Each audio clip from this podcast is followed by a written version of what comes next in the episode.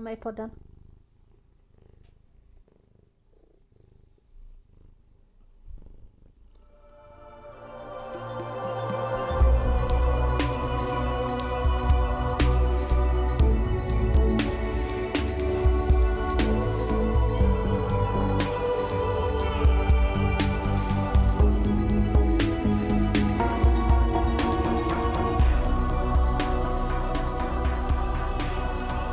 Välkomna ska ni vara till avsnitt nummer 57 av Skämshögen. Det är snart andra advent och eh, vi sitter här i Alingsås i sedvanlig ordning i vår lägenhet och eh, går knappt ut på grund av rådande omständigheter. Amanda Sten heter jag och mitt emot mig sitter Jimmy Seppele. Ja, det gör jag. Du vände inte på ordningen den här gången. Nej, inte den här gången heller. Jag gjorde inte sist. Jag satt som på nålar. Ja, Jag förstår detta. Vad ska hända denna gång? ja, precis. Är jag redo eller inte? Ja, man vet ju aldrig det. Du satt just och kvävde världens största gäspning. Ja. Du är lite trött. Ja. Är det hårt liv just nu? Ja. Det är kallt också. Ja, det är kallt. Det är lite ruffigt ute. Det har liksom inte riktigt kommit någon ordentlig snö, utan det var sådär första advent så kom det lite snö. Mm. Men det var väldigt selektivt var den landade för någonstans. Ja, och det- sen försvann den ganska så fort. Ja, det är helt värdelöst när det är kallt utan snö. Ja, men just nu när det fortfarande är lite plusgrader, då är det lite fuktigt, vil- vilket gör att det blir lite bitigt. Ja, tur att det inte blåser så mycket i alla fall. Ja, tala för dig själv. Jag har ju varit inne i Göteborg i veckan och höll på att blåsa bort. Jo. Men jag kommer ihåg när jag var liten så vi bodde ju uppe på en kulle liksom. Och där, där alltså det var helt öppna fält också, där blåste det jämt. Ja. Nej men alltså när man är i Göteborg, nu är jag ju liksom inte i Göteborgs kärna, för dit vill inte jag in och läja just nu under en pandemi. Eller i alla fall inte när den är upp uppgång igen. Men eh, ute vid jobbet då, på Backaplan, där eh, var det ganska så blåsigt, om man säger så. Samt tidigare så har jag ju jobbat en hel del vid Odinsgatan och då går man förbi GP-huset. Och jag lovar och svär att det är liksom Sveriges Bermuda-triangel. Folk måste ha försvunnit där, för det är alltid motvind, åt vilket håll man än går. Jag gjorde ett, eh, ett här skolarbete om Bermuda-triangeln. Ja just det, det har ni nog sagt faktiskt. Mm, för vi hade så här kulturveckan kallar vi det, i Fjärdedalsskolan i min grundskola. Så hade vi liksom en vecka där man liksom fick välja ett ämne. Och då tror vi hade, jag vet inte, kommer inte ihåg exakt vad, vad de kallade just det här ämnet, men det var liksom så här övernaturliga grejer, så spöken och sånt skit som jag höll på med. Eh, jag vet inte, Myter kanske. nej, det var någon liksom så här, det var inte Ghostbusters, åh det snöar nu, by the way. Eh, det var inte typ Ghostbusters eller något, men det, det var i alla fall något, hade med övernaturliga grejer, så att jag, jag, jag gjorde den, det temat hade jag två gånger. Ehm, så kollade vi på Ghostbusters, kom jag ihåg, och lite andra grejer. Är jag blind? Men alltså jag, jag, ser, jag ser precis där jag sitter vid lampan så att jag ser att det kommer snö. Ah, okej. Jag ser ingen snö och blev lite sorgesam. Mm, nej, men för att det är kolsvart ute, det är svårt att se. Men man ser ju lite om det snöar ändå. Har du sett om det snöar? Nu? Mm. Nej, inte nu. Nej, just det. Men jag såg sist det snöade. Motsa sig själv, man ser ju om det snöar. Så bara, gör det nu då? Nej. Nej, men det är kanske du som ser i syne. Nej, jag ser att det snöar. Okej då. Idag ska vi i alla fall prata om tv-serier som betytt mycket för oss genom tiderna. Precis som vi gjorde med tv-spel för ett litet tag sedan. Och nu kanske ni tre lyssnare där ute tänker att har ni inte några nya upplevelser att komma med? Men vi jobbar på det. Vi har planerat några avsnitt i nästa år. Plus att vi naturligtvis har Shame of the Year som vanligt.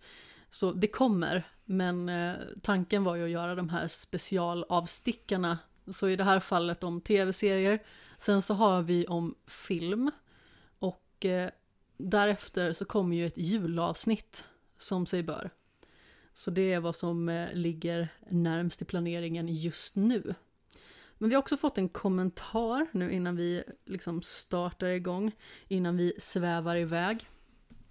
Det var på Facebook som Daniel Hagdal tackade för en bra podd och eh, tänkte tipsa om den lilla fina reklamen för Mass Effect-trilogin som äntligen liksom släpps i nyutgåva.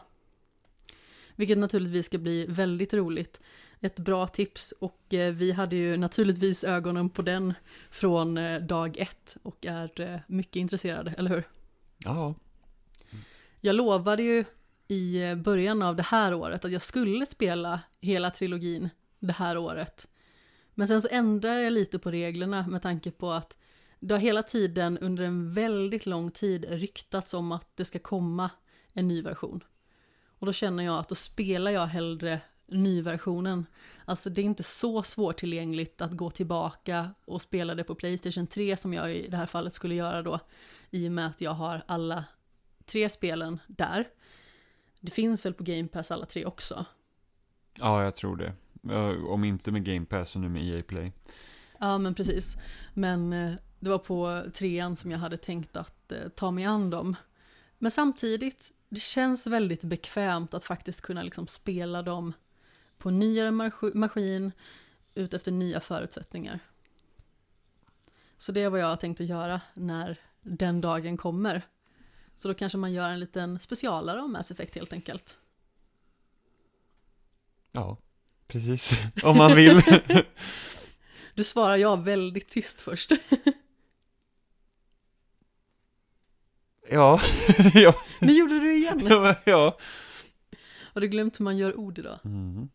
Det hoppas jag att du eh, ändrar på ganska så snart. För jag tror inte vi har något mer att tillägga innan vi ska köra igång va? Nej.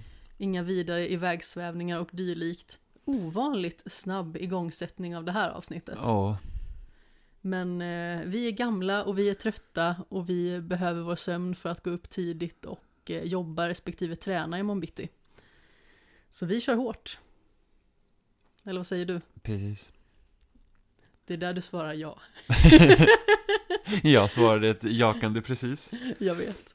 Jag är bara lite retfull för att jag eh, kände att det var på sin plats. your did things to you only lovers would do in the dark. It made you a god. Priest, popes, and preachers would tell me I did wrong, but hey, it made a nigga flip. What do I say? to make me exist. Oh, stranger. Tv-serier som betytt mycket för oss under våra liv. Och naturligtvis så vill jag ju att du ska börja. För att jag är jättenyfiken på vilka serier du har valt. I och med att vi avslöjar ju inte det här för varandra i förväg. Vi sitter ju och håller på dem in i sista sekund. Ibland kanske man bollar någonting om det liksom känns vettigt. Men det är väldigt sällan som vi avslöjar våra listor för varandra. Även att vi bor ihop. Så din första när du var som yngst. Mm. Men det är ganska intressant att över- överlag tyckte jag att det var ändå, jag tänkte att när vi planerade det här från början att det skulle bli ganska lätt, för att jag är ju, alltså jag konsumerar liksom tv-serier, alltså länge. I Eh, princip sen världen var svartvit. ja, men precis. Nej, men alltså det, det är liksom så här att det här med att bingea serier, det är liksom relativt nytt då. Alltså liksom, liksom att bingea en tv-serie, det liksom kommer ju egentligen med Netflix. Alltså som liksom det uttrycket man börjar säga, liksom att ja men vi, vi såg en hel säsong på Netflix. Eh, och att man liksom tar i, liksom istället för att man liksom väntar varje vecka på en serie så kan man liksom se hela säsonger på en gång. Eh, hela serier till och med, om alla finns liksom. Eh, och speciellt när Netflix börjar med att säga att ja, men de droppar en säsong liksom direkt. Och så kan man se hela under en helg. Eh, när jag var liksom yngre då så då vi, eh, vi hade ju inte liksom kabel-tv eller något sånt, men vi hade gratiskanalerna. Vilket gjorde att det fanns ju många serier som, inte, som, gick på trean eller femman som, som inte jag eller min syster kunde se. Så att vi köpte ju faktiskt säsongen när de kom ut på DVD-box. Ja men precis. Och eh, för folk som är födda efter 90-talet så fanns det något som hette ång-tv förr i tiden och det var det vi såg på. Och vi hade, vi hade ju, alltså det tog ju så lång tid när vi skaffade digitalbox också, vi hade ju via antenn Eh, tv. Och sen så när de släckte ner liksom marknätet då så var vi utan tv i typ två veckor eller något sånt där, för att det liksom, ja. Men i alla fall, så att, att, att jag och min syster, vi liksom älskar ju så tv-serier. Var, varje gång man liksom hade sett klart på en säsong, då tog man bara en ny säsong från någon annan serie och så såg man om den. Tills man liksom såg klart det. Alltså, så att, många serier från liksom två, alltså början av 2000-talet, det är liksom så att säga, Desperate Housewives, Grey's Anatomy och sådana, det har ju liksom jag sett hur mycket som helst liksom. För det är bara så att jag är klar med en säsong, och börjar liksom bara på nästa serie eller något så här, och sen så kollar man om. Inte som idag, liksom när man är klar med en serie, så bara, ja, jag kommer nog förmodligen aldrig se det där igen, och så går man på nästa. Eh, jag kan inte komma ihåg senast jag liksom har sett om en serie som jag liksom sett på Netflix. Det gör jag då och då. Ja, jag gör ju inte det, utan jag, jag har ju så här att jag, jag bara egentligen går och tittar på liksom nya saker. Nu, nu tittar vi på Vänner i och för sig. Men jag har aldrig sett Vänner på Netflix, utan jag har ju liksom DVD-box med Vänner. Ja men precis, och en serie som jag kommer prata om senare som också finns på Netflix har jag sett på Netflix väldigt många gånger just för att den finns på Netflix. Men jag har också den som DVD-box. Mm. Men jag tror nästan att jag har större tendens att liksom ta en, om till exempel jag har inte sett Breaking Bad på Netflix. Men jag, men jag, har, Men vi li- ska göra det. men jag har liksom tagit min Blu-ray-box och sett om på Breaking Bad, trots att det finns på Netflix. Så det, det är rätt så intressant. Men det är något visst med det. Om man är uppvuxen i den konsumtionskulturen som det liksom var när vi var små. Alltså där man köpte DVD-filmer, eller ja, för all del VHS-filmer. Vi är ju födda så pass tidigt ändå, så vi är ju inte jättegamla, vi har inte ens fyllt 30 någon av oss. Eh, Även att du är liksom näst på tur där. Mm, nej, jag är, ja jo, av oss två är Av oss två är det definitivt. Ja. Men alltså vi har ju ändå fått uppleva kassettband, VHS och så vidare. Mm. Det är ju jättemånga som när man nämner det idag inte ens vet vad det är för någonting. Jag har en kompis som är några år yngre än vad jag är och nämner jag vissa referenser som jag tycker känns väldigt självklara. Då står hon som ett frågetecken och undrar liksom vad det är för fel på mig. Mm. Ja, men det är samma sak med, när man tänker så här att när vi var små, och så var det liksom när våra föräldrar pratade om när de tittade på tv, de bara ah nej men alltså vi, vi hade typ kanske, vi fick se på tv typ en lördag. Vi fick färg-tv på Ja, 60-talet. eller typ det var, det var liksom typ två timmar om dagen man kunde se på tv. Och så, så skulle vi säga liksom till barn idag så att nej men alltså när vi var små så kom det barnprogram klockan sex på kanal 1 varje dag. Inte mer. Det var det. Ja, men alltså idag liksom, det är bara att slå på Babblarna playlist på YouTube och sen så är, liksom, är det liksom party hela dagen. Det är liksom, så att, så att det har ju ändå skett en ganska, alltså inte bara det, jag tycker hela grejen med hur vi konsumerar idag, alltså det är, alltså både, och speciellt hur det har blivit med spel nu också med Game Pass och liksom sådana här ehm, eh, prenumerationsmodeller, är ju det att det tar aldrig slut. Jag behöver inte ens köpa ett spel det räcker med att jag betalar 100 kronor i månaden och jag har liksom en tillgång till eh, 200 spel och som byts ut kontinuerligt. Liksom så att jag hela, så jag behöver inte ens fundera på att, så att ah, men ska jag spela om det här spelet eller för att ofta har det blivit så här att när jag var yngre då var det så här att ah, men jag har inget nytt att spela så att jag gör något annat istället. Ja, eller så fortsätter man att nöta det spelet Ja. som man har spelat 71 miljoner gånger tidigare. Jag kan tänka mig att det just kan vara en liten knivig situation som förälder idag, att hela tiden behöva hålla sitt barn uppdaterat på ett annat sätt. I och med att det känns som att eh, de liksom kräver nya upplevelser på ett annat sätt i och med att det finns sådan tillgänglighet. Och sen kanske man hoppar lite mer mellan upplevelser. Jag menar när vi var små då kanske vi fick ett spel i halvåret eller något sånt. Mm. Då satt man där med Hugo 5 och nötte det tills skivan sprack. Mm. Nej men jag hade liksom, när jag var yngre, jag hade liksom tillfällen där jag liksom inte spelade på veckor. Liksom bara för att, ja men jag typ läste eller hittade på andra grejer för att jag liksom, jag hade liksom spelat mina spel så himla mycket. Jag kan inte ens komma ihåg senast jag liksom hade, var liksom en vecka utan att spela. Nej, alltså jag vet att jag hade för ett litet tag sedan där jag liksom kände mig lite utled på att spela. Inte liksom att jag inte tyckte om att spela. Det var bara det att jag visste inte vad jag skulle spela och jag kände mig liksom trött på många upplevelser. Men då går jag ju liksom till en annan upplevelse och storkonsumerar. Alltså till exempel någon tv-serie. Där jag liksom bara plöjer. Mm. Och så är det ju med spel. Vi kan plöja hur mycket som helst, vi kan hoppa från spel till spel. Och det behöver liksom inte kosta oss mer än en hundring att hoppa mellan tio spel. Nej. Nej, det är liksom, alltså jag tänker bara, jag tänkte på det här om dagen liksom, att när, när jag liksom började koppla upp mig med liksom min 360 och sådana grejer, då, då, liksom, då hade inte jag något eget bankkort, så jag behövde liksom köpa Microsoft-poäng för att kunna köpa spel. Och då kanske man köpte liksom ett digitalt spel i månaden, liksom typ, ja men super, Street Fighter 2 Turbo HD Remix eller eh, Super Meat Boy eller något sånt där tills man fick ett eget bankkort och kunde köpa liksom spel. Men då var det så att det kom ett, alltså Xbox Live Arcade uppdaterades en gång i veckan. Mm. Vilket var så att då kom det kanske två spel på den tjänsten och det var ju sällan man behövde liksom, man ville ha det liksom som kom. Medan idag, det är liksom, det släpps ju spel nästan varje dag. Ja, och när jag började spela lite mer investerat, det var ju för ändå sju, åtta år sedan. Åtta år sedan vill jag säga att det var. Och då var det liksom sådär att jag beställde väldigt mycket begagnat, alltså fysiska exemplar. Och det gjorde jag till ganska så nyligen. Sen så började ju sakteliga någonstans att fasas ut och blev väldigt mycket mer digitala spel i och med att jag skaffade Playstation Plus och sedermera även Xbox Game Pass och så vidare. Men eh, jag hade ju liksom en period där jag skaffade ganska så mycket spel just från eh, i synnerhet då retrospelsbutiken. Eller att jag gick in på Game när de fortfarande existerade till exempel och eh, rotade i deras backar. Mm.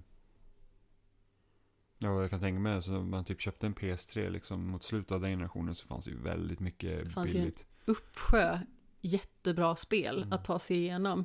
Alltså jag hade ju en väldigt tacksam period att komma in i och som en ganska så nykläckt spelare liksom i den typen av sfär då kände man ju sig alltså typ helt förtrollad och ganska så chockad ändå över vad spelmediet hade tagit sig från att man typ började sätta sig och spela The Sims 2 som man tyckte var väldigt revolutionerande på den tiden.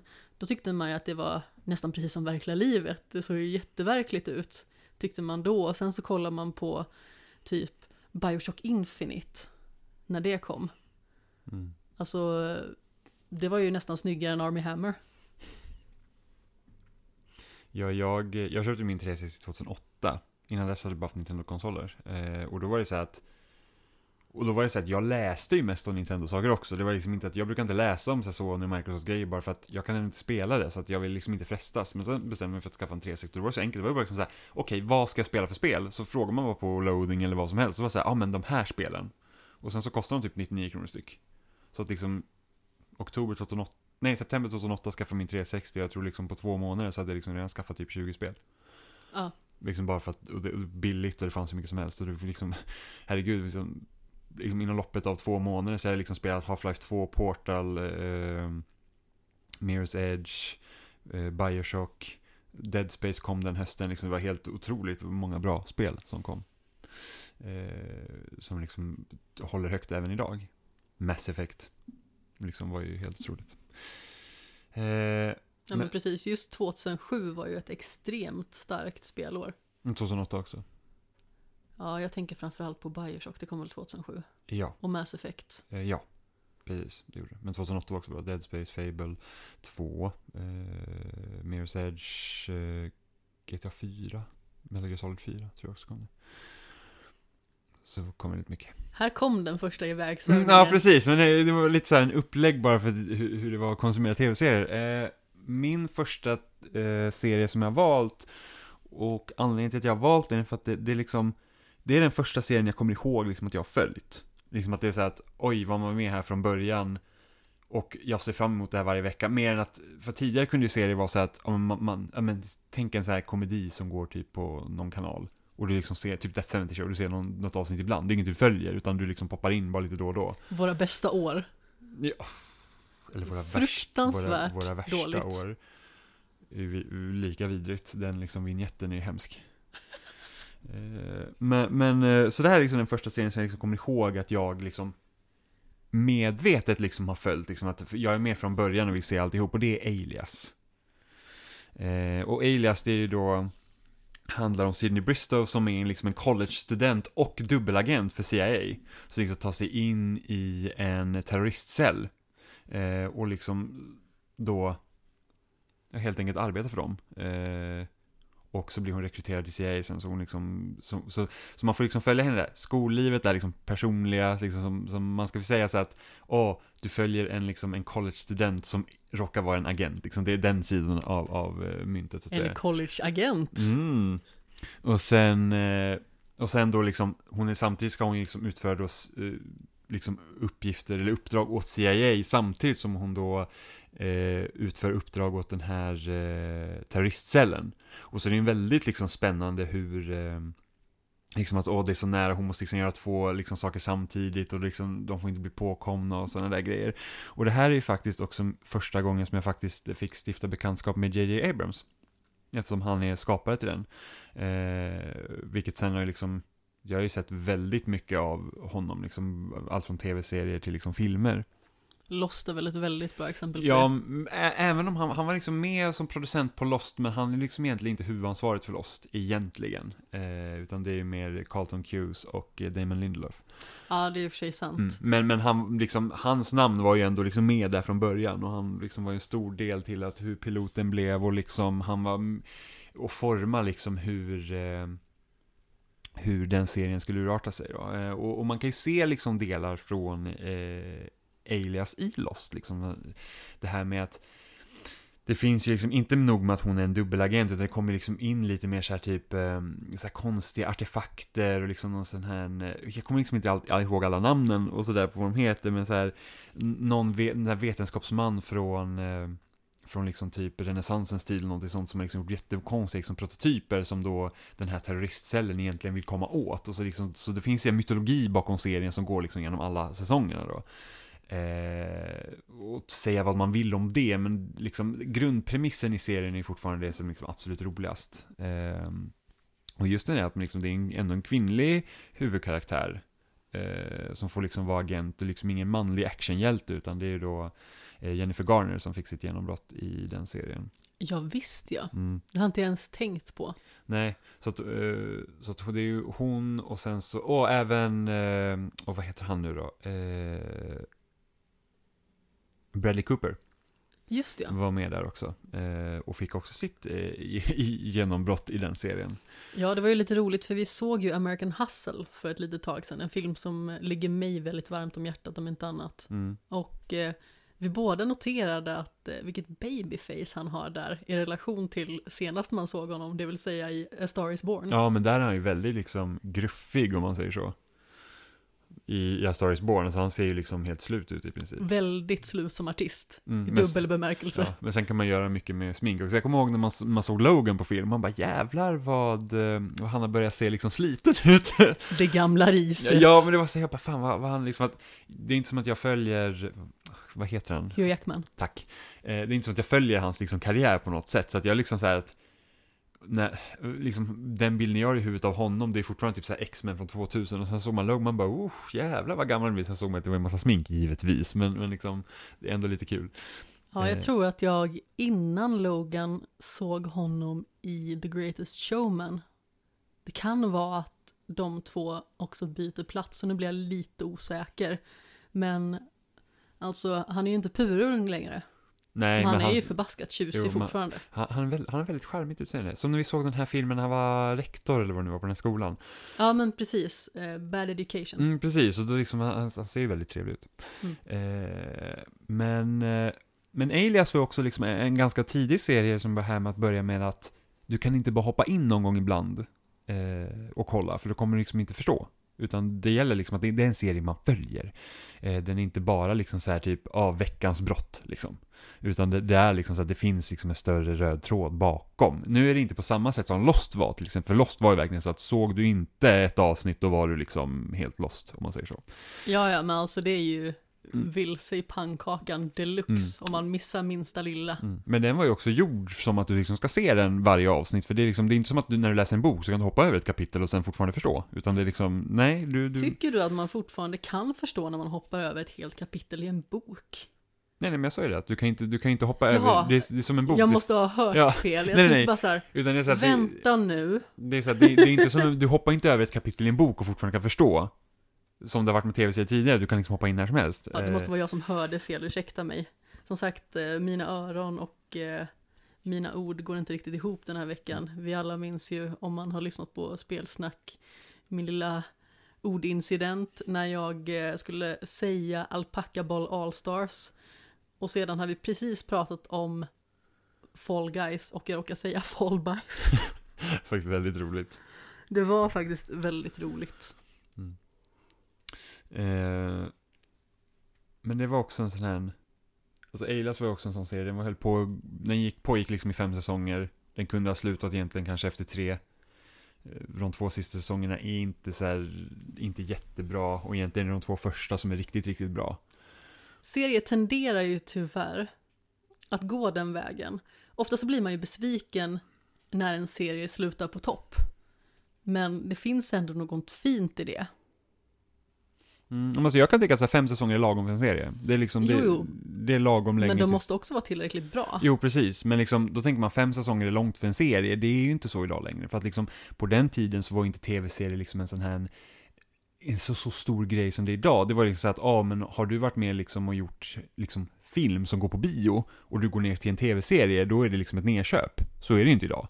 Du, liksom, du kan ju ha alltså, flera stora skådespelare som gör liksom sån här ensäsongs liksom, följetonger bara och, och liksom som om man tittar på till exempel på Fargo när eh, Ewan McGregor var med liksom en säsong där och det är liksom that's it. Eller Martin Freeman för den delen. Ja, Martin Freeman till exempel, eller ta True Detective med Matthew McConaughey liksom och eh, eh, vad heter han, Här- Woody Harrelson gjorde liksom första säsongen och det, liksom, det ska inte komma en säsong två med dem för att det är klart. Eh, så att, så att liksom tv-serier har ju en helt annan status idag än vad det hade då. Ja men precis, och det finns en annan utgångspunkt och det finns liksom en annan målgrupp idag. Mm. Alltså, det var ju helt andra typer av personer som såg på tv-serier oftast än som konsumerade en viss typ av film. Men eh, alltså det är ganska intressant faktiskt vad tv-serier är på väg idag. Jag menar, en tv-serie som jag kommer att prata om sedan, den gick liksom i 15 säsonger. Mm. Och eh, jag menar, det är väldigt sällan som tv-serier går längre än fem idag. Och de är oftast lite mer korta och koncisa och eh, lite mer kärnfulla. Mm. Men alltså, jag kan, alltså med, med Netflix och, och liksom den typen av sätt så är det inte ovanligt att det bara blir tre säsonger, kanske till och med två. Och sen är, liksom är det klart. Eh, men en annan grej som är ganska kul med Alias också, det var att Lena Olin var med i den också. Och spelade Sinnys eh, mamma. Så att det var ju liksom, det, det blev liksom en ganska stor grej, och speciellt i Sverige då, liksom, det kommer en svensk liksom, skådespelare med i liksom, en sån stor produktion. Och sen så var det ju, liksom, inte första, men liksom Peter Stormare till exempel var med i Prison Break. Eh, så att, eh, Jag vet att det är väldigt många som tycker att det liksom är löjligt när det liksom är en svensk skådis till exempel på tapeten och så. Visst, jag förstår lite grann när det liksom blir så upphåsat bortom proportioner. Men samtidigt får man tänka sig att vi är ett väldigt litet land här. mm, Och att liksom personer lyckas på det viset och få vara med i liksom världsligt stora produktioner. mm. Det är ju väldigt stort. Mm, Och Alias var jättestort i USA. Alltså det var ju verkligen liksom big deal. Kanske inte blir lika stort här. Sen så TV4 liksom, visst det körde så här klockan nio tror jag på tisdagar. Och sen så du vet när tittarna försvinner sen så är det liksom så här halv elva på en onsdag liksom.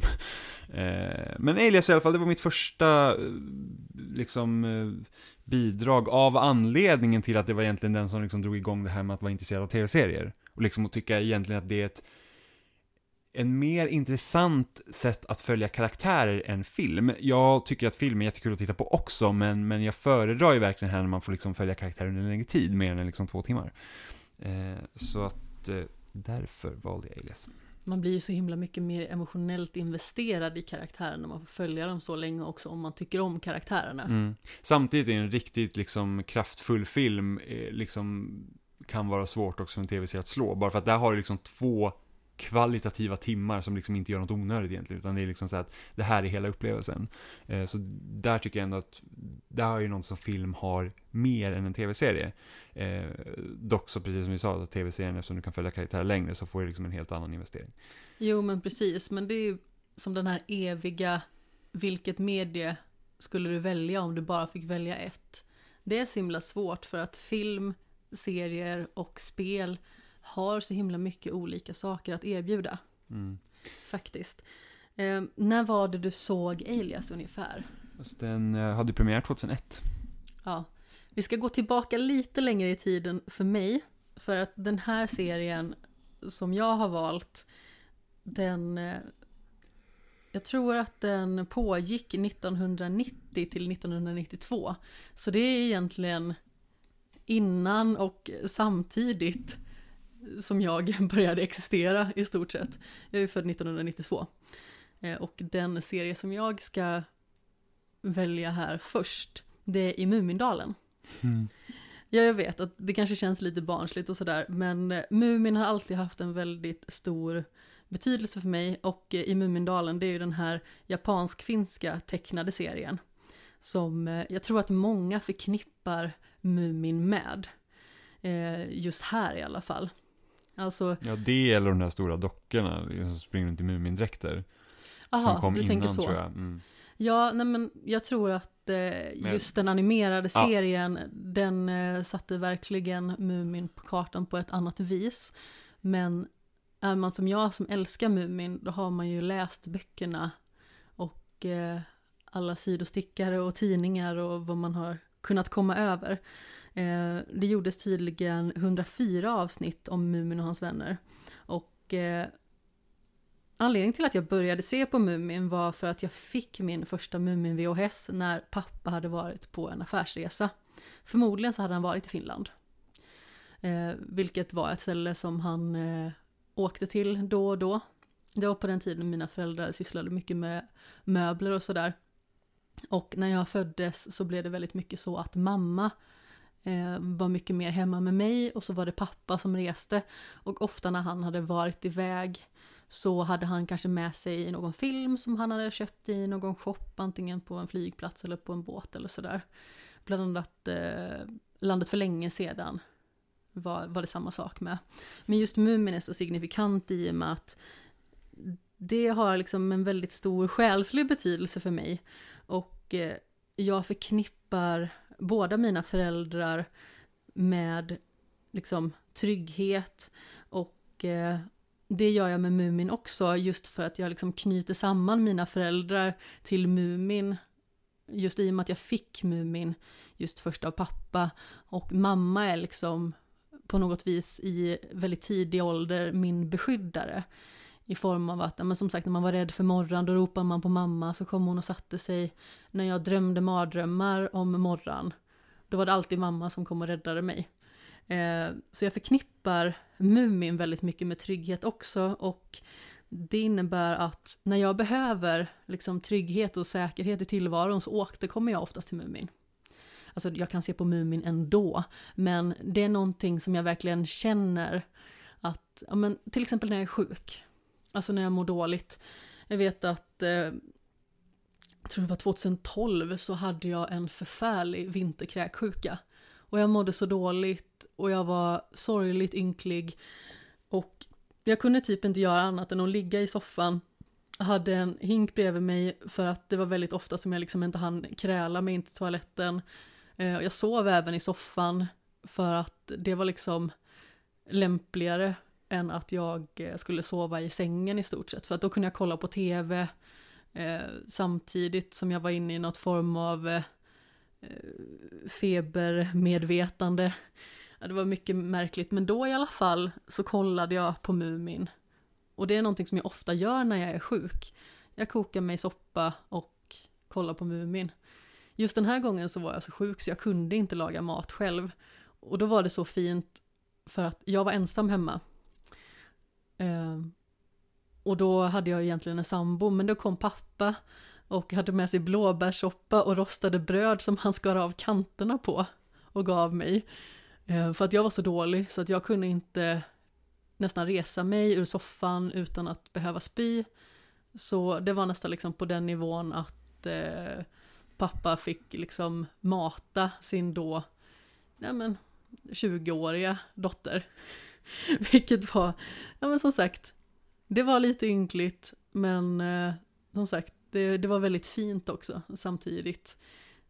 Och just då, alltså emellan de här eh, konstiga feberdrömmarna och eh, spysessionerna så kollade jag också på Mumin, återigen. Ja, men så Mumin älskar jag. Eh, och eh, det är någonting som jag alltid kommer tillbaka till. Det känns som att jag kan inte bli för gammal för Mumin. Hur mycket folk än liksom säger att det är barnberättelser så de snackar goja. De har fel. Mumin är för alla. Och eh, Mumin kommer för alltid att vara för mig, om man säger så. Så det är en serie som alltid kommer att vara med mig. Och som jag har puffat lite för att du och jag ska se tillsammans. Mm. Vilket kommer bli jättemysigt. Mm. Sit- Sitter jag där med mitt eget lilla Mumintroll och kollar på Mumin. Det är så länge sedan jag såg Mumin. Vi hade ju, vi hade inte liksom Mumin VHS som var köpta, vi hade ju på band som var inspelat liksom från eh, tv. Vi hade, mamma hade spelat in, vi hade så här typ, alltså flera stycken olika block med VHS-band liksom. Så att det fanns sådana här typ lådor som, man kunde ha fem VHS-band i en sån som man stoppade ner i. Och vi hade ju typ säkert 10-12 stycken sådana. Med så Disney-dags, Mumin. Så alltså, jag kommer ihåg att många har sett oh, Kalle Ankas jul och sådana grejer. Vi hade ett band med Kalle Ankas jul på. Så att jag har ju sett liksom Kalle Ankas jul fler gånger än vad liksom än man borde, om man säger så. Jag har liksom sett det fler gånger än vad som finns, eh, liksom så gammal jag är. För att man har ju sett det så ofta. Jag kommer inte ihåg vilka som var programledare då, men det var lite annat upplägg än vad det, hur det har varit nu. Eh, för då var det så här, Arne Weise var väl fortfarande julvärd tror jag, om det inte är så här 88 eller 89 tror jag den Kalle Ankas jul vi hade. Så då, då var det två stycken andra, kommer inte ihåg vad de heter, men den ena är i alla fall fort, alltså känd, liksom, väldigt känd fortfarande. Så de, de var ju liksom, de presenterar ju liksom varje del av eh, Kalle Anka. Inte som nu, liksom, bara Benjamin syrsa liksom pratar. Och så ser man liksom från eh, början till slut.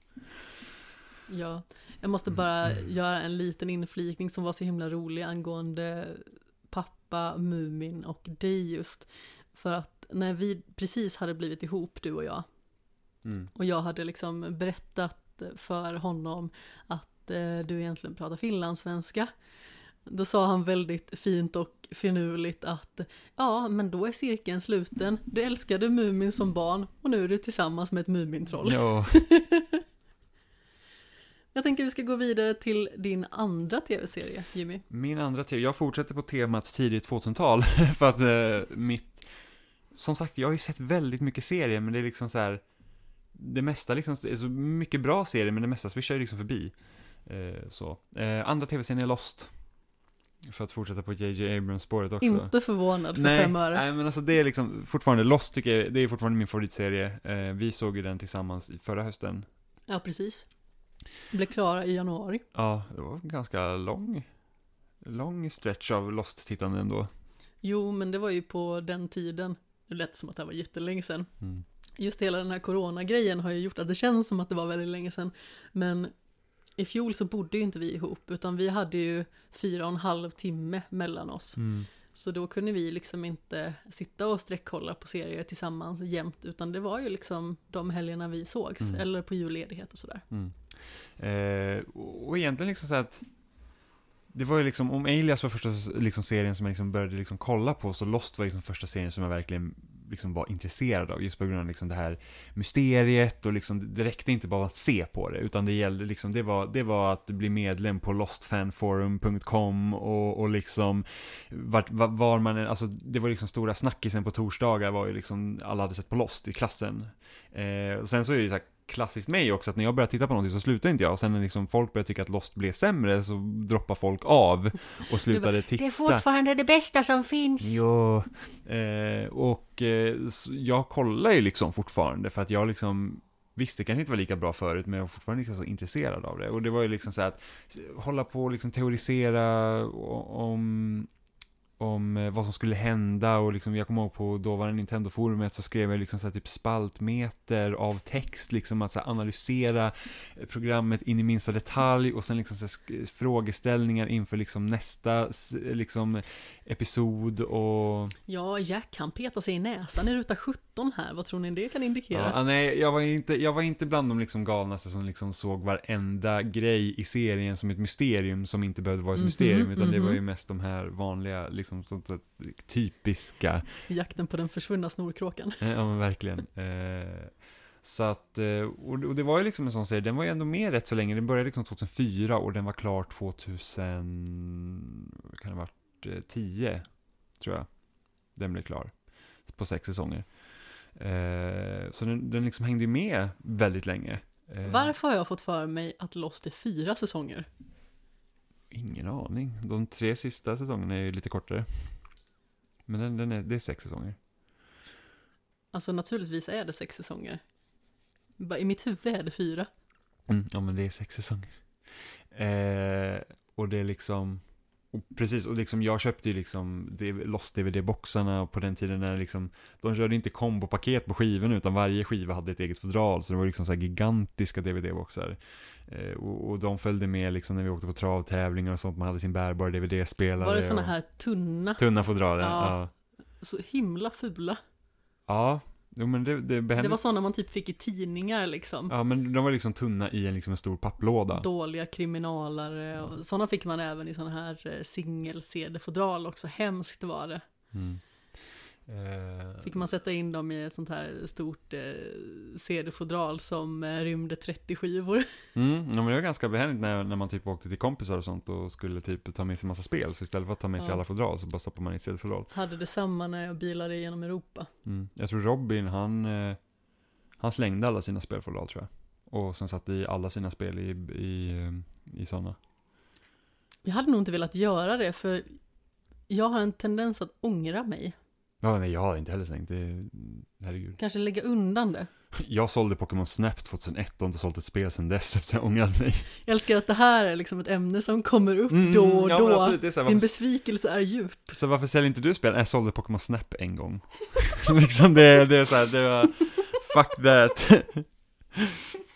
eh, Åh, det höll på att komma Pepsi Max ut ur näsan. men det är någonting som jag faktiskt saknar från liksom hur man konsumerar serier idag, det finns inget extra material längre. Ja, just det. Jag kollade ju, alltså det var ju typ det, bland det bästa med liksom, man kunde köpa DVD-boxen, så här, borttagna scener och man kunde få se så här minidokumentärer om hur de har gjort serien och man kunde få se vad karaktärerna, liksom skådespelarna tänker och hur regissörerna tänker och hur manusförfattarna tänker och sånt är jättekul. Eh, och det finns ju liksom inte längre. Däremot kan det ju liksom släppas dokumentärer kring serier fortfarande. La Casa de Papel-dokumentären tycker jag om jättemycket. Ja, ab- absolut, det är liksom, men det är inte på samma sätt, det är liksom inte en, och- inte per säsong som det var förut. Nej, nej, absolut inte. Eh, för det var ju liksom... Det är liksom inte extra materialet till Sagan om ringen. Nej, nej men, eller Avatar. Liksom typ, fan. Jag har inte sett Avatar. Har du inte sett Avatar? Det är inte jättebra film, det är Pocahontas med aliens, i princip. Men, eh, men liksom som, som, som en teknisk demonstration när den kom så var det väldigt imponerande. Faktiskt. Men det är typ, eh, man kollar här, The Dark Crystal som kom på Netflix, som var ju helt, alltså var ju en helt, alltså var ju i princip dockteater. Eh, som hade filmat. Där släppte de också en eh, dokumentär som jag såg. Väldigt synd att de la ner den serien efter en säsong för att den var fan bra. Jag har inte sett den heller. Mm, nej, alltså jag, jag hade inte tänkt att se den först, när de swishade förbi, jag bara, men det kan vara intressant, sen bara, oh, det är bara dockor, men jävlar vad spännande den var. Sen såg jag även filmen, The Dark Crystal, som eh, tv-serien är en prequel till. Eh, som också var bra. Men, men Lost var mitt val, för att just att det är liksom också så att, liksom höjd, alltså, Lost ändrade också liksom eh, hur man gjorde serier, för att det var ju liksom så att den var ju verkligen, som, som vi sa tidigare, att det var ju liksom en berättelse. Blinkar du så missar du skit. Ja men precis, och det är liksom att du måste se, och efter det så kom Heroes till exempel, var ju också en sån serie som, som, eh, som var så att, nej men här måste du se alla för det är liksom en hel följetong. Och sen när Lost började ta slut så var det liksom så att, åh vad blir nästa Lost? Och, och man kan väl säga så här att det har inte kommit något nästa Lost. Det har inte kommit en serie som har ett sånt här mysterium som liksom alla följer. Jag tror den största liksom serien efter Lost som liksom, så att okej, hela liksom tv-seriekulturen kretsar nu kring den här serien och det är Game of Thrones. Ja, och den slutade ju minst sagt på en sur ton. Ja, ja, gud ja. Och det, och det intressanta med Game of Thrones här är ju det att när den serien tog slut så är det precis som den aldrig existerat. Ingen pratar om den längre. Det är liksom så att det, det är liksom så att alla är bara så här, nej men alltså, den slutar så pass illa att folk bara säger att vi kan lika bra ignorera den. Och det är så jäkla synd för att, alltså första säsongen i Game of Thrones, det är typ en av mina favoritsäsonger i tv-serien någonsin också. För det var verkligen så att när den kom, det var liksom bara wow, alltså vilken grej, så jag behövde köpa böcker och allting. Eh, och, och läsa liksom hela serien på grund av det. Och sen att liksom inte den kunde ros i hamn, det är otroligt tråkigt. För att säga vad man vill om Lost, alltså när ändå den serien var klar så är det inte så att man tänker så här, fy fan vad dålig Lost var. Jag gillar Lost. Jag gillar också, jag gillar Lost väldigt mycket av uppenbara anledningar. Men liksom, jag har inte sett om Game of Thrones sen sista säsongen var klar. Jag har inte sett sista säsongen igen sen sista säsongen var klar. Vi ska göra det dock. Jo, jo, absolut, det ska vi göra, men det är inte så att man bara, åh gud vad kul det ska bli att se om hela Game of Thrones igen. För att så jäkla bra och slutar den inte. Så att det känns liksom att all den här uppbyggnaden i den tv-serien från innan är så här att, mm, Men jag såg också om den i fjol, så det är ganska så tätt inpå. men alltså jag har inga problem att se om en, en serie om året. Liksom alltså, samma serie, alltså jag, jag har säkert sett Vänner 15-16 gånger. Ja, men det kan jag tänka mig. Men samtidigt så, det beror på också eh, lite grann hur mycket serier det kommer liksom för tillfället. Jo, jo, men alltså, ja, största anledningen till att jag inte sett om Game of Thrones igen, det är för att den slutar så pass illa. Att det liksom känns som att allt det här, all den uppbyggnad som byggs upp i de tidigare säsongerna är så att Det var för ingenting. det tjänar ingenting till. Det är det som är så tråkigt. Tittar man på Lost till exempel, vad det bygger upp till, så att visst, allt kanske inte fick något så här liksom tillfredsställande slut, eller att det var liksom märkligt, men det är fortfarande så att den serien fick ett slut som faktiskt förtjänades. Slutet var som att gå in i en jättebulle. Va? Ja, just det, du har inte sett Yrrol. Jo, jag har sett Yrrol, men Har det är väldigt det? länge sedan. Ja, jag att jag har sett. Ja, men då kanske du inte kommer ihåg den referensen. Nej. Vi hoppar över det så ser vi Yrrol någon Ja. gång. Ja, nej men Lost fick ju liksom ett, ett slut som liksom ändå gjorde serien någon sorts rättvisa. Det fick ju inte Game of Thrones. Game of Thrones kändes som att de liksom hoppade över två tredjedelar av slutet för att komma fram dit vart de ville säga. Sen bara oj, nu får vi vara nöjda. Och man bara såhär jaha. Ja, väldigt märkligt. Men ja, så är det. Mm. Det är väldigt roligt för att du har liksom sån seriositet i dina val. Eller vad man ska säga, det är ganska så mogna val ändå, för vi har ju bara ett år emellan oss, i stort sett. Men eh, min nästa serie som gick emellan 1999 och 2001 är Batman Beyond. Ja. Och eh, jag hade ju tidigare läst en och annan liksom Läderlappen-tidning och sådär. Men jag skulle nog vilja påstå att det var här som intresset för Batman just tog fart på riktigt. Vilket också liksom ledde vidare till att jag såg The Animated Series, som jag fick i fjol julklapp av dig, som vi också ska se igen Ja, det, snart. det måste vi säga. Jag har inte sett allt av Batman The Animated Series, men det är liksom, min syrra älskar ju Batman. Jag tror att jag har sett allt. Jag har ju också sett eh, många av de här eh, spelfilmerna också, Mm. som har kommit i eh, liknande stuk. Jag har bara sett några enstaka avsnitt, men det bästa med The Batman The Animated Series är att det är samma röstskådespelare som det är till Arkham-spelen. Många Ja. av dem. Så att det, det är liksom... Så Mark Hamill är ju fantastisk. Mm, så att det är den kopplingen som är intressant. Och, jag, och som sagt, jag har ju sett en del Batman, men som sagt, vi hade inte femman, vilket Batman gick på klockan fem. Nu man kunde se när man såg hos mormor. Eh, men just att man liksom kan se liksom, så att man får liksom se hela berättelsen. För att det är ju liksom en följetong det också. Det är inte bara Ja, liksom lösryckta avsnitt. Ehm, och sen så naturligtvis eh, ledde det också vidare till att jag såg de här Batman-filmerna med Michael Keaton och sen även Nolan-trilogin. Då var man ju liksom verkligen sugen på att bita tag i den när den kom. Ehm, och Batman Beyond, det är ju efter Bruce Wayne. Så då är det en karaktär som heter Terry McGinnis, som liksom är en eh, yngling som, eh, jag vill minnas, studerar. Alltså nu är det ju väldigt, väldigt länge sedan som jag Visst, såg den här. visst utspelar sig Batman Beyond också ganska långt in i framtiden? Eller en del... En bra stund in i framtiden och Bruce Wayne är gammal, grå och sur. För jag ville alltid spela Batman Beyond-skinnet i Arkham City. För att det fanns där, men det var ju DLC, så man behövde antingen köpa det eller typ så förboka från rätt butik. Och jag tror nu med, med Arkham Collection som jag har på Xbox One, att man kan faktiskt spela med Batman Beyond-dräkten och då ska jag göra det. För jag tycker att Batman Beyond-dräkten är cool, jag har aldrig sett Batman Beyond. Den är väldigt häftig faktiskt. Och eh, jag gillade den serien jättemycket. Jag vet inte riktigt hur jag skulle tycka om den idag. Alltså i synnerhet med liksom allt Batman-material som jag har konsumerat i både liksom eh, tv-serie, film och spelform. Men eh, jag tyckte om den jättemycket då och eh, satt liksom alltid eh, klistrad framför tvn när den kom på. Det var liksom i stort sett den, Scooby-Doo och Snobben som jag typ alltid ville se varje dag.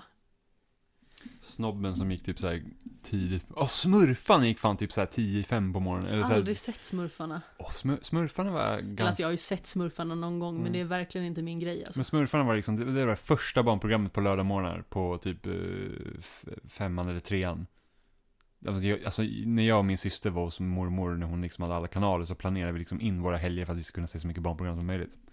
Och då var det så att, oh, vi satte klockan på ringning för att vi skulle kunna gå upp och se Smurfarna, för det var första barnprogrammet som kom. Mm. Ja, nej men som sagt, eh, Batman Beyond hamnar liksom på listan i egenskap av att vara startskottet för mitt Batman-intresse. Och eh, jag har ju liksom sedan ganska så ung ålder minns jag velat bli detektiv. Och eh, eh, Batman är ju det i viss mån. The World's Greatest Detective kallas ju han och så vidare. Då har vi den tredje tv-serien. Mm. Jag fortsätter på tidigt 2000-tal. Det är nu alla dina serier kommer vara tidigt ja, 2000-tal. Nej, nej, nej, nej, nej, nej, nej. Min tredje serie är Grey's Anatomy. Och det här är ju ganska liksom... Som fortfarande rullar.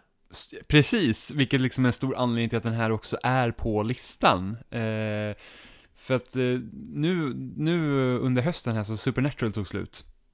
Eh, till exempel, och den har liksom hållit på i 15 säsonger. Eh, nu har inte jag följt den liksom sen start, men jag såg typ första säsongen när den kom, och sen så var det för kanske en 5-6 år sedan jag liksom såg till att se allt, och sen har jag följt den sen dess liksom. Men, men det är bara en sån grej att, att när man väljer att se en serie så vet man ju inte hur länge den kommer hålla på, speciellt då när inte bara man droppade liksom en säsong i stöpet, utan det var ju verkligen så att okej, men mm, 2005, här kommer en ny serie, det är liksom, mm, ta Grace Anatomy liksom, nu hade inte vi femman där den gick på, som alla andra serier som jag pratade om tydligen, så att vi hade inte tv-kanal, men, men liksom, jag och min syster, vi, vi, vi köpte liksom ganska mycket serier, så vi var så, ja men så här, något, något drama, och så, så kom jag vara var på CD-ON, det var liksom billigt, och det var typ åtta avsnitt första säsongen, liksom kostade en hundring, och så köpte jag den. Hyrde inte ni något? Nej, min syrra var faktiskt medlem på lovefilm.se, så man kunde liksom få hem typ fem filmer i stöpet, och så skickar man bara fram och tillbaka dem hela tiden. Ah, okej. Eh, men vi bor mitt ute på landet, man springer liksom inte bara till videobutiken och hyr någonting. Nej, det, nej, men jag tänker när man kanske är i livsmedelsbutiken och sånt. Alltså jag och mina föräldrar hyrde ju jättemycket film och serier och dylikt Nej, när jag var liten. Inte gjort någonting. Men, men som sagt, alltså, jag och min syster har inte umgås med mina föräldrar på det sättet. Det är Nej. inte som att vi har liksom kollat på film tillsammans, utan vi har varit väldigt mycket liksom, Ja. för oss själva. Nej, Liksom. men precis. Vi hyrde för övrigt från Bonbon som är en liten videobutik som fortfarande finns kvar i Alingsås. Numera är det bara en godisbutik. Jag har för mig att den fick stänga och sedan öppna den upp igen i nytt format. Men ja, Hemmakväll tog jag över någonstans där. Mm. Men eh, även Hemmakväll håller ju på att eh, bara vara godisbutik i stort Mm. sett numera. Eh, Men anledningen till att jag valde Grey's Anatomy, det är liksom bara för att den serien har varit med så himla länge. Alltså det är liksom, det, det, är, det är som min så här, som snabbmat. Liksom det, det är bara skönt att ha där. Eh, så att det är liksom så att jag vet liksom inte egentligen hur man skulle ens avsluta den serien på ett tillfredsställande sätt. Alltså det är, det är i princip bara tre skådespelare som varit med från start, som är kvar. Eh, Alla dör. Ja, men alltså det, någonstans mitt i serien, alltså man ser nu mitten blir det ju nu om man ser från dagens perspektiv så var det liksom verkligen så att det, det, det liksom, alltså det gick till absurdum när i eh, ena säsongen så var det en dödsskjutning på, eller liksom en så här skjutning på sjukhuset liksom så här, någon galen panna som gick in och dödade massa folk och liksom så här bara att okej, jättespännande avsnitt, det var inte fel så. Säsongen efter så är de med i en flygplanskrasch. Och där typ tre stycken dog, man såhär bara Nej, alltså det är, liksom, det är inte rimligt att det här liksom, att läkarna på det här sjukhuset liksom varje år får vara med om liksom att typ två, tre kollegor dör. Och I någon så här hemsk händelse, det är liksom där, det är inte rimligt. Man, liksom, man ska ju vara helt knäckt. Det här låter ju lite som, det var en journalist vill jag minnas, som överlevde attacken 11 september. Och för att liksom fira livet i stort sett så skulle han åka på så solsemester någonstans och det planet störtade och han dog. Ja, men det är ju ödets ironi. Eller något Ja sånt. men verkligen, jag för mig att det var så det gick till. Jag kanske drar det lite ur röven men eh, det finns någonstans där bak i huvudet. Men, eh, men de första säsongerna i Grey's Anatomy, alltså, de, de är riktigt bra, de är fortfarande riktigt bra. Så ibland man liksom lyckas se någon så här repris eller något som går på tv. Eh, så liksom inser man ju liksom hur mycket sämre serien är idag än, än vad den var då. Alltså den var liksom, alltså liksom snuskigt jäkla bra. Alltså det är, som karaktärerna är liksom, liksom on point och liksom de- tar tag i ganska liksom allvarliga ämnen och det är liksom så att visar ganska så att det är ett hårt liv att liksom vara läkarstudent.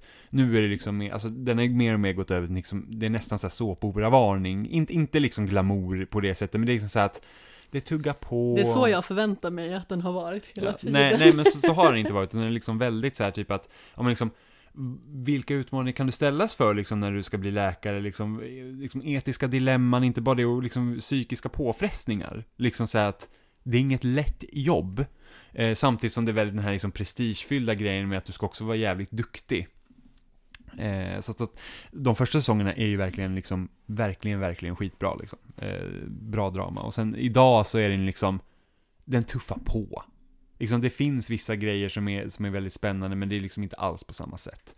Eh, men samtidigt, att det är en serie som har följt med mig nu liksom i nästan halva mitt liv. Och där jag har följt den i princip från start. Jag tror det var bara säsong två som var ute när jag köpte den första DVD-boxen, så att den liksom har ju varit, jag har liksom följt med den hela tiden och liksom kollat på den. Så varje höst när den börjar igen så bara håller jag koll på när Grey's Anatomy börjar så att jag kan liksom börja kolla igen. Nu har inte jag sett eh, den säsongen som börjat nu då, men jag har eh, några avsnitt på min dator. Är det sista säsongen som rullar nu? Nej. Den är, bara den, den, är, på. den är förnyad. eh, Till en säsong till. Har jag för mig. Kära Så, så att det, liksom, det är på, jag tror det är säsong 17 nu. Liksom, vilket är Wow. liksom helt, det, det är liksom helt galet. Men det är liksom, och Grey's Anatomy är också den början liksom att jag är väldigt förtjust i läkarserier. Jag tycker det är skitkul att titta på läkarserier. Som Grey's Anatomy, jag kollar på House, eh, när den kom. Eh, Scrubs, är också jättebra. Eh, och sen fick Grey's Anatomy en spin-off i form av Private Practice som inte var lika bra, men ändå, den kollar jag på. Och sen så... Det verkligen så här tindrar i dina Ja, ögon men- när du pratar läkarserier. Ja, men det, det, jag vet inte, det är någonting så, House är också så här jättebra serie tycker jag, alltså den, den är verkligen jättespännande. Jag hade jättesvårt för den. Nej, gud, jag, jag tycker den var jättebra, men sen så, Ändå gillar jag Hugh Laurie väldigt mycket. Mm. Jag tycker att han är jättebra, men just House, den fastnar jag inte alls för. han gör en kanon, alltså det är en ganska rolig premiss för House egentligen, för de, de tog ju inte det som en, en typisk läkarserie, utan de gjorde den som en kriminalare, där sjukdomen är skurken. Sen, sen så är ju upplägget i House typ likadant, det är så här att ja, de kommer till det här viruset, House säger att det är en sak, det är fel. Eh, sen så håller teamet på, slavar under honom och försöker komma fram till olika grejer och de bara nej det är fel, det är fel, det är fel. Och sen så typ House tittar liksom typ lite så här bort i fjärran förbi kameran och sen så händer någonting och då kommer han på vad det är och så räddar han dagen. I princip så är det. Eh, sen var det typiskt den här, eh, House kom ju också i den tiden när det var ganska vanligt att man gjorde tv-serier på The Male Genius. Eh, Ja, men precis. Vi kommer till fler sådana. Mm, där, där liksom så här, typ The Mentalist, eh, vad heter den, eh, Lie to Me, eh, sen var det en annan som jag inte kommer ihåg vad den heter, men liksom det är typ så här att du har ett känt namn som är huvudrollen, som är liksom då The Genius, och sen så, ja, är det massa andra människor runt omkring dem, men liksom, så, så att eh, det var ganska fort, men House var också jättebra. Eh, och sen Scrubs är ju kanon, alltså det är ju också en av typ de första sitcomsen som jag såg som inte hade laugh tracks till exempel, som, som verkligen måste leva på att faktiskt leverera skämt och inte bara ha massa folk som skrattar åt den och så bara okej, det ska vara kul, säger de. Jag tycker ju verkligen att laugh tracks är djävulens rövhål. Ja, alltså det är Alltså i speciellt, synnerhet om man inte själv tycker att det är roligt, då blir jag ju typ arg på laugh tracks. Bara, ni har fel. Ni Ja. har ingen humor och ni är sämst. ja, men det är så här, det, man börjar, alltså jag släpper det efter ett tag, liksom, man kan ignorera det för det är liksom, man hör inte efter ett tag. Men liksom det är, samtidigt, det, det är en helt annan dynamik att kolla på en sitcom utan laugh tracks. Eh, Då får man också själv avgöra när det är roligt. Ja, det tråkigaste, jag kommer ihåg, det var en jätteroligt skämt i Modern Family. Där är ingen laugh tracks i det, i det serien. Men det är liksom så att, ibland är det lite som att de som skriver, eller skrev, för den är avslutad den serien, Modern Family, var ju det att Oj, tänk om tittarna missar det här, så måste vi vara övertydliga med att visa skämtet igen. Och man bara säger nej, men låt, låt de som missar det missa det. Liksom det här, det här skämtet var liksom inte viktigt för, liksom storyn. Men det var en skitroligt skämt i bakgrunden som inte ni pekade ut, utan det är för de som hittar hittar det. Och sen så bara typ i slutet så bara, titta, zooma in på skämtet. Man bara, nej sluta. sluta, vad gör ni mot mig? Eh, ja men Grey's Anatomy är bra, får se om man liksom typ sitter här om typ tio år igen och fortfarande pratar om Grey's Anatomy. Men det är liksom så att så fort, jag tror det blir så att så fort Ellen Pompeo känner att hon inte vill liksom vara med längre och spela Meredith Grey som är huvudrollen i serien så tror Det är jag hon den blonda va? Ja, eller ja, ja, det finns många blonda. Eller det har funnits många blonda. Men det är hon som liksom the face of Grey's Anatomy, om man säger så. Jag tror att jag vet vem det är. Men liksom så fort hon liksom hoppar av så då, då, liksom, då antar jag att serien också tar slut. Inte för att hon är så bärande längre som hon kanske var förut, men det är liksom så här, då, då, då är det liksom, det är ändå hennes serie liksom. Det var mitt tredje val. Ja, jag förstod detta. Var det 2005? Som den hade premiär, jajamän. Så jag har kört 2001, 2004, 2005. Ja, och eh, den serie jag ska prata om började också 2005. Och jag tror att den avslutades i år, i början av 2020. Som sagt, då var jag 13 år. Började starkt gilla Criminal Minds. Det är ju liksom en serie, en kriminalare, vilket är liksom den genre som jag skulle säga att jag konsumerat allra mest av. Jag gillar ju kriminalare i allmänhet, alltså både i bokform och i eh, tv-serie och filmform. Men just Criminal Minds, det väckte verkligen det här intresset för beteendevetande. Även att det liksom i praktiken inte är ett vidare bra exempel på en sån typ av serie. I och med att den blir lite så här mycket CSI, det här liksom att zooma in på det här myntet, vänd på det, där ser du ansiktet. Alltså det är liksom sådana grejer som är så himla löjliga. Och eh, det är ganska så mycket sånt i Criminal Minds och det är ganska så mycket att man förlitar sig liksom på teknologi. Vilket kan bli så himla pajigt. Och eh, sedan så återanvänder de väldigt mycket grejer. Och det känns som att man hela tiden kan se vad som komma skall. Men i början så var den verkligen spännande. Det kändes som att hur de här karaktärerna arbetade på FBI, det påverkade dem väldigt mycket liksom i det vardagliga livet. I synnerhet liksom de karaktärerna som är som mest centrala. Eller alltså det är ju ett gäng som man får följa, jag för mig att de är typ så här sju stycken eller något sånt. Men det finns ju vissa som man fokuserar lite mer på. Alltså vi har ju återigen det här manliga geniet, eh, Spencer Reed, som eh, är väldigt ung och hyperintelligent. Och som oftast är den som liksom knäcker vem mördaren är eller liksom verkligen hittar den där lilla detaljen som gör att man kommer på hur man ska lösa fallet. Som sagt, det kanske inte är en jättebra serie och det är en serie som jag inte har följt på hur många år som helst. Jag tror att jag slutade följa den kanske någon gång i slutet av gymnasiet. För jag minns att jag satt och streamade Criminal Minds på rasterna tyckte jag var väldigt mysigt. Var det, satt jag och... var det ful stream då eller? Det var verkligen ful stream.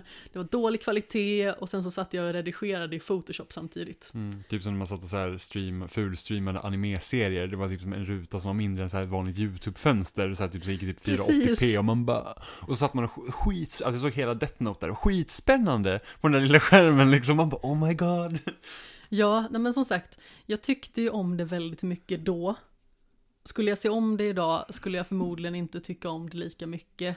Och eh, det finns ju många serier som har gjort liksom det här greppet med beteendeanalyser och kriminologi så himla mycket bättre. Alltså vi har ju Mindhunter som väldigt tydligt exempel som eh, liksom visar uppstarten av eh, liksom den avdelningen på FBI. Liksom under eh, mitten av eh, 70-talet vill jag minnas att det var. Mm. Aisha Tyler är med de senare säsongerna av Criminal Minds, Jaha, vet jag. nu är det en sån som jag liksom, jag känner igen namnet. Men Ja. jag kan liksom inte riktigt eh, Hon- placera det ansiktsmässigt. Hon var, hon var presentatör för Ubisofts presskonferenser på E3 ett par år. Eh, hon var med i Ghost Whisperer. Hon kommer också vara med i Vänner i några avsnitt. Eh, Det säger mig verkligen nej, ingenting. okej. Nej, men det är bara att jag är ganska stort fan av henne. Så, och jag lyssnar på hennes podcast också, så att eh, hon är skitbra. Så det var en stor sorg när hon la ner sin podcast. hon var så himla rolig. Verkligen. Hur som haver, så eh, det här liksom var en serie som väckte det intresset som hade jag liksom reflekterat över det då så hade det kanske varit det som jag hade börjat studera efter gymnasiet. För nu har jag ju liksom börjat komma in på att jag ska börja studera kriminologi i någon form av utsträckning just bara för att jag har intresset.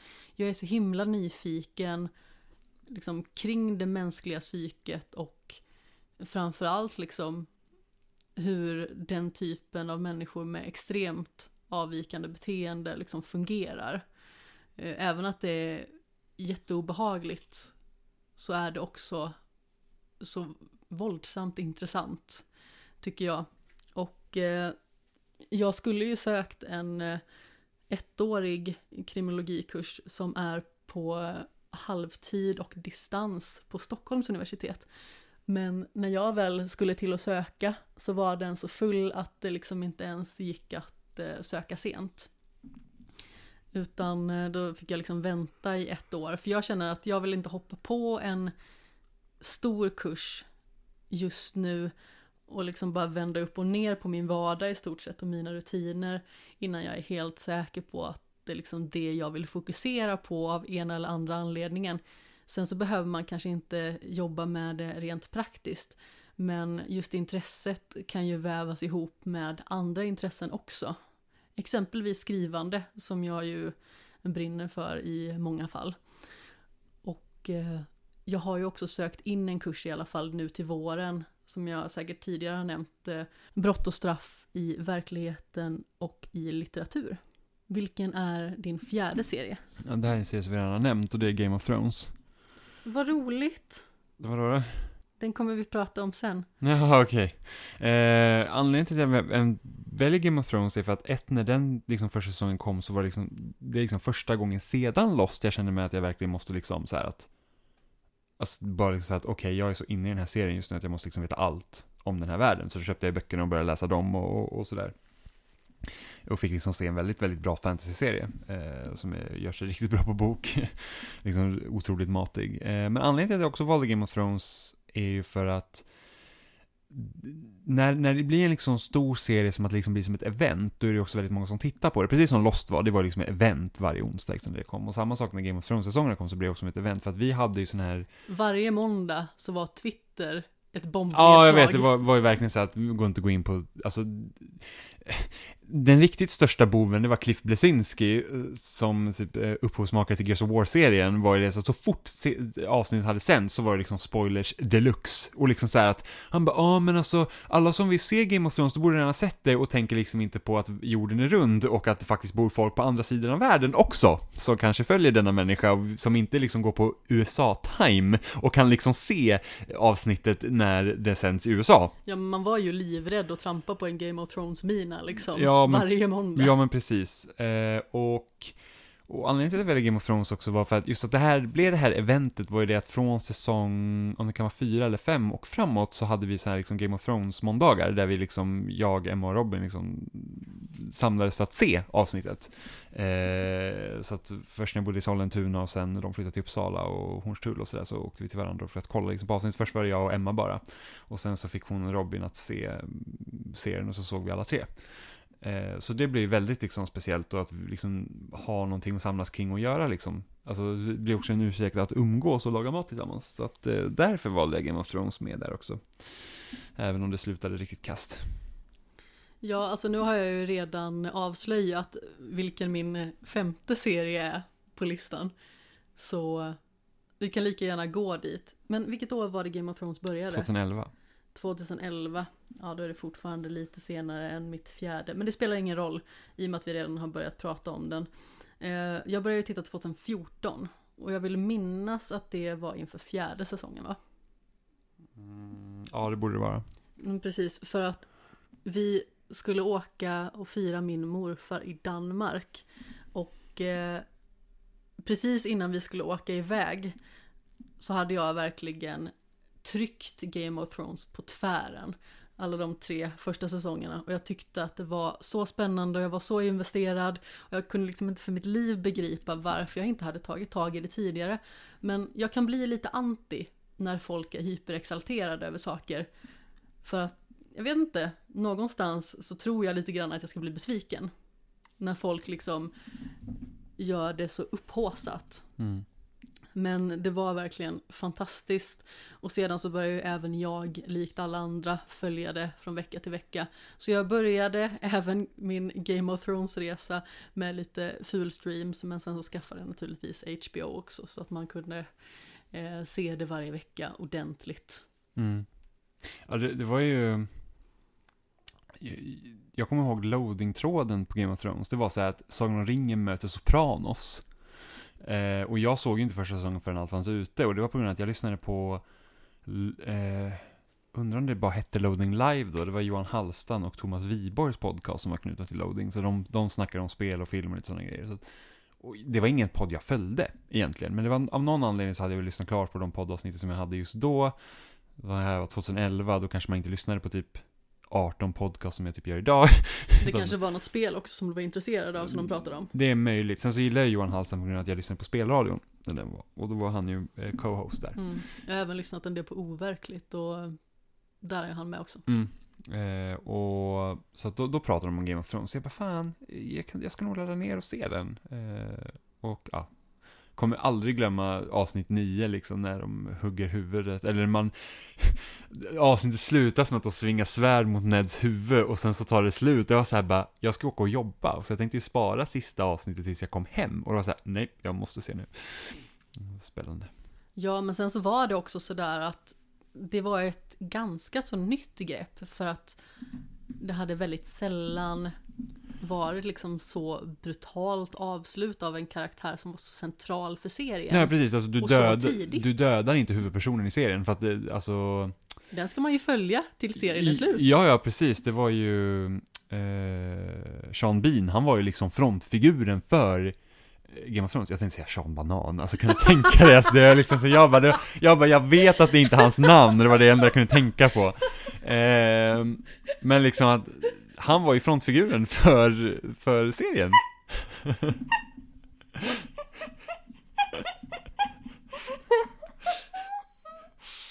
Åh, kära nån. Jag fick liksom en bild av Sean Banan liksom i det här fruktansvärda ögonblicket. Det känns så himla konstigt just nu. Mm. Men det, så, att, så det var ju liksom, det var ju en väldigt stor, alltså det, och det var ju det som var så fantastiskt med Game of Thrones i början när de liksom följde böckerna var ju det att när saker hände i serien så fick det konsekvenser för resterande handling och det försvann ju efter säsong fyra. Då var det så att, ja men Cersei kunde spränga upp hela kyrkan och hon blev drottning och sen så var det inget mer med det. Det är liksom så att det, det borde ha gett så stora konsekvenser medan till, när, när liksom Ned blir avhuggen i huvudet, det liksom skapar ju, alltså det blir liksom eh, ostabilitet i hela kungariket. Ja, det blev verkligen kalabalik. Ja men precis, och, liksom, och, och det liksom fick ta tid, men liksom sen var det bara sp- framspolat, framspolat. Liksom bara det när liksom, alltså ta en sån grej, när Danny kommer till Westeros med drakarna. Det, det, det är ingenting du avhandlar i nå- något avsnitt, utan det är någonting som nästan en säsong måste bearbeta. Vad gör man? För att det är liksom, det här är ett hot, potentiellt hot som vi inte vet vad man ska ta sig till med, för att det finns ingenting som ens liknar det. Det är ju väldigt många som inte ens har trott på att det existerar, liksom att hon har drakar. Nej men precis, och sen hon kan liksom åka in på slagfält och i princip desarmera en hel armé själv. Mm. Liksom att, vad gör man? Eh, nu kommer böckerna förmodligen te sig lite annorlunda och det liksom pekar i helt annan riktning lite hur, alltså hon kommer vara rivaliserad av en entitet som förmodligen inte, som inte är med i tv-serien. Förmodligen. Vi vet inte, men för att böckerna slutar när Jon Snow dog. Sen dess vet man inte mer vad som händer. Nej, men precis. Det skulle bli väldigt intressant att se vart eh, George R. R. Martin tar det hela. Men det finns så himla många fler karaktärer i, i böckerna än vad det finns i tv-serien, så att det är liksom så att jag skulle säga att när, när de två går isär så det, det är liksom inte ens likt.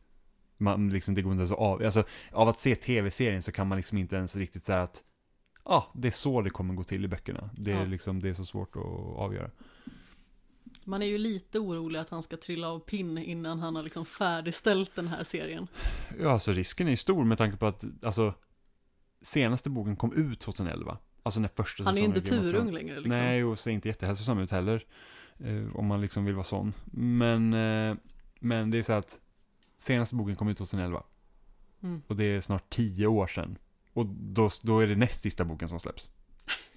Så att, eh, Hur hej, gammal är han nu igen? det är någonting. Jag kommer ligga där med liksom slutmanuset till sin bok. Mm.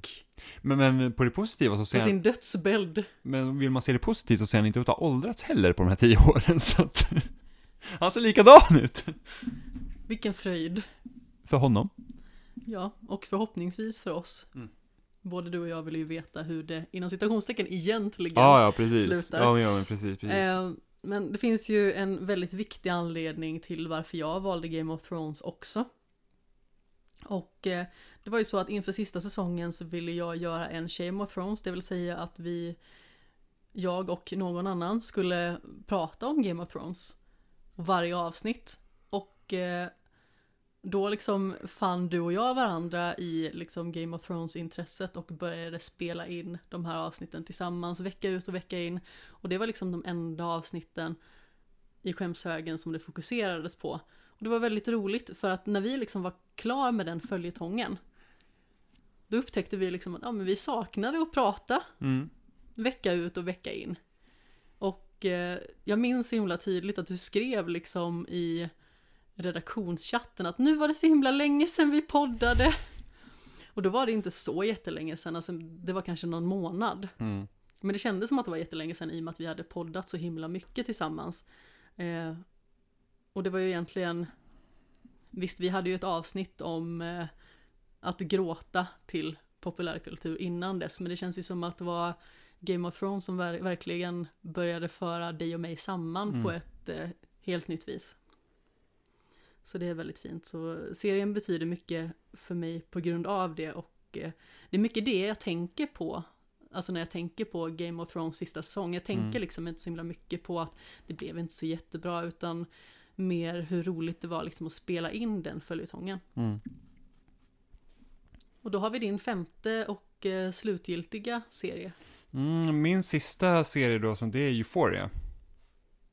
För den är ju den är ju väldigt ny, den är ju bara ett och ett halvt år gammal eller någonting sånt. Ja, precis. Eh, och och eh, anledningen till att det var då liksom jag började tycka om dig, liksom. eh, jag vet inte, jag fick alltså den serien har ju så ingen säregen stil, liksom hur den ser ut och sådär, och speciellt musiken som jag lyssnade på väldigt mycket när jag liksom åkte till jobbet och läste. Och det var ju liksom, det, alltså den musiken förknippar jag med dig, helt Jaha, enkelt. Ja. Det Så- visste jag faktiskt inte. Nej, nu vet jag. Vad fint. Ja, nej, men så det, det är liksom anledningen. Och min eh, femte serie, om du inte hade något mer att tillägga. Nej, nej, det var faktiskt bara det. Jag behöver inte ens förklara vad Euphoria är för någonting, för det var liksom bara att den är så hårt förknippad liksom med, med den tidpunkten. Vad fint. Nu blir jag lite generad. Ja, det behöver inte bli. Du, hallå, du hade ju Game of Thrones. Jo, jag vet, men jag blir jättelätt generad Jaha, okej. också. Nu blir jag blyg. Nu sitter Jimmy och gör en jättefånig min. Så där försvann det ögonblicket. eh, Jag desarmerade eh, situationen. japp. Eh, min femte serie är ju Sherlock. Och den kom förvisso 2010. Eh, så därav hade jag tänkt att ta den före Game of Thrones egentligen. Eh, och som sagt, den firar i tio år och jag är väldigt nyfiken på om det kommer bli en femte säsong. Men precis som jag nämnde tidigare så fanns det på tapeten när jag var liten. Alltså först ville jag bli konstnär och sen ville jag bli detektiv. Och eh, den här versionen av Sherlock Holmes, då skådespelad av Benedict Cumberbatch, med sin kollega, sin högra hand, sin bäste vän John Watson då spelad av Martin Freeman. Alltså det radarparet förälskade jag mig verkligen i. Jag tyckte att de var så fantastiska på att få en liksom så speciell personkemi som man väldigt sällan ser i en serie. Alltså visst, man kan märka liksom att personer tycker om varandra i en serie, men det kändes liksom som att de existerade på riktigt nästan. Och det var därför jag fastnade så himla hårt för den. Och det är också en sån serie som eh, jag ser om ganska så ofta, även att det är väldigt långa avsnitt. De är förvisso inte så jättemånga, jag tror att de är sammanlagt 12 till antalet. Fyra säsonger och tre avsnitt i varje och sen så finns det ju den här eh, The Abominable Bride också som eh, är mellan tredje och fjärde säsongen, om jag inte missminner mig. Men eh, just i andra säsongen är det också så himla starkt. För där tror man ju också att Sherlock dör i början. Ja, det var så himla, alltså det var verkligen hemskt att se. Ja, Eh, sen så, sen så, inte för att ta från din poäng nu, men, men alltså, jag har lite svårt att se hur man trivialiserar bort lite så här självmordsaspekten eh, aspekten i nästkommande säsong. Liksom att säga att det är ett skämt, eller man försökte luras, eller liksom, Jag tycker att det är bättre gjort i Sherlock än till exempel, för det finns ett sånt moment i Desperate Housewives också. En säsong slutar med att en karaktär då hänger sig. Mm. Och sen i, i, i nästkommande avsnitt då, eller första avsnittet på den säsongen, så är det typ så här. Oj, jag snubblade, för jag skulle låtsas hänga mig själv, och sen så snubblade jag och råkade hänga mig själv, så blev jag precis räddad, så att liksom det var, hela var liksom en stor hoax. Och det är så här bara att, ja men det tar lite, det är liksom, den emotionella udden försvinner lite. Ja, sen så är det ju liksom så med Sherlock, precis som vi har nämnt tidigare med många serier, att han är ju liksom det manliga geniet.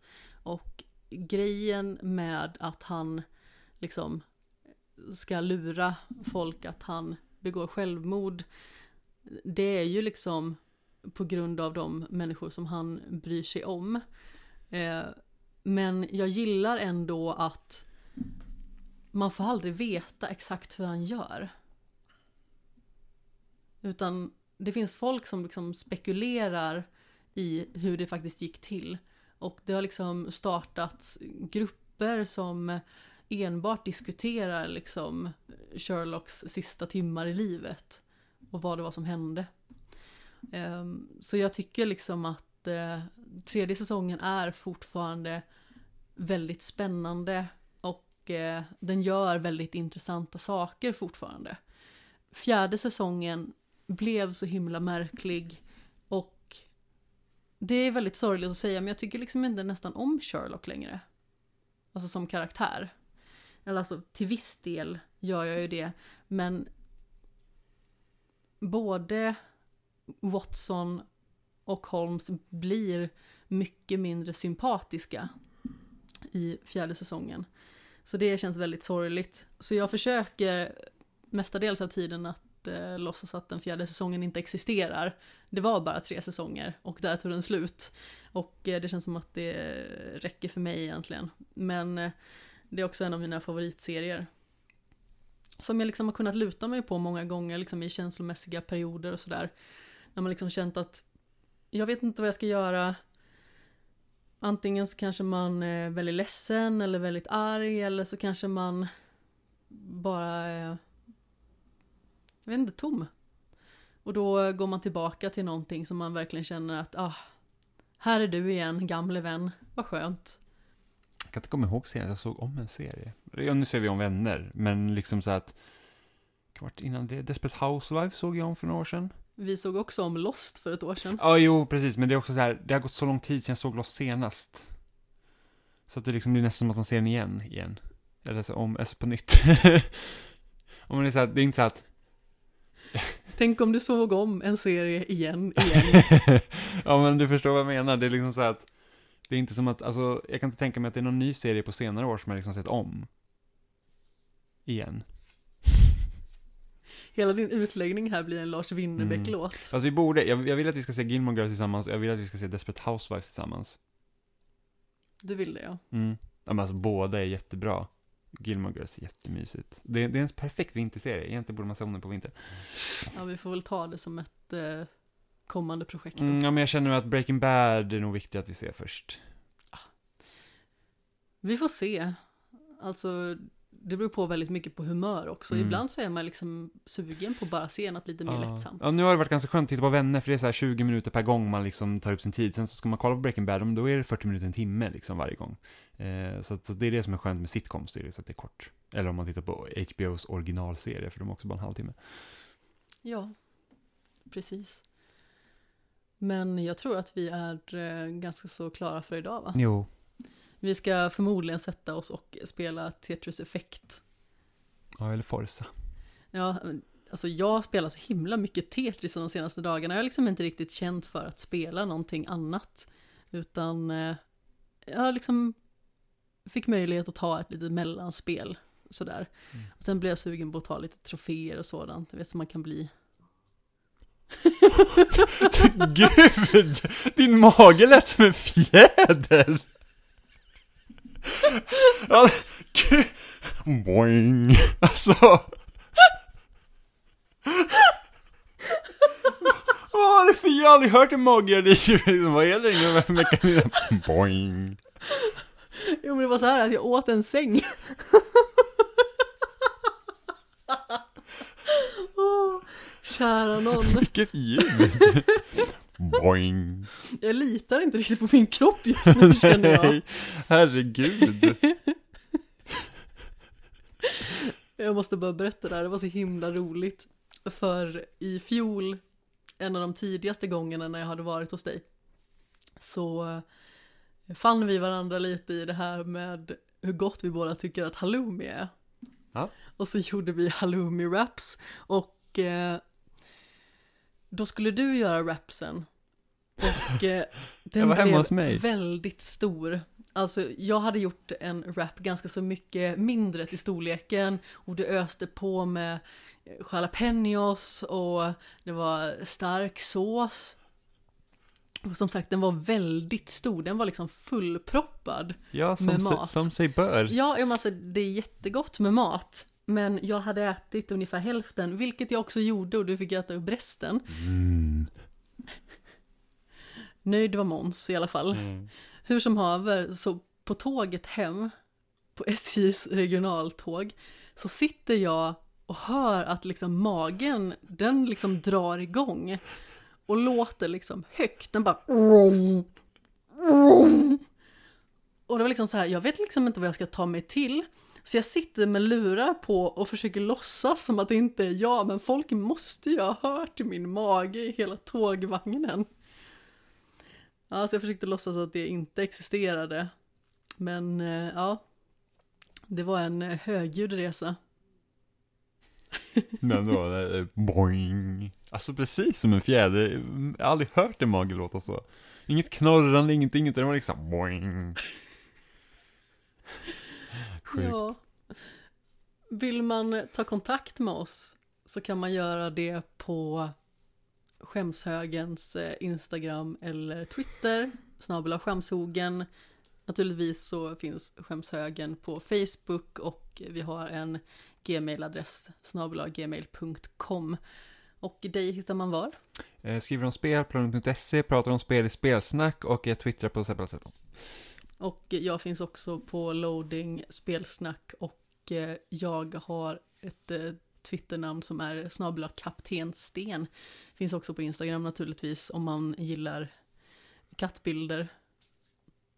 Vilket det oftast blir. Eller bilder på valpen när hon ser alldeles tokig och nyvaken ut. Det är också en favorit. Mm. Hon är fantastiskt söt. Ja. Det har du gjort bra. Ja, precis. Jag val- valde ut henne själv. Ja, du har uppfostrat henne väl. Ja, jo men det, oh, lite, lite små egenheter har hon för sig, men hon är en väldigt snäll hund.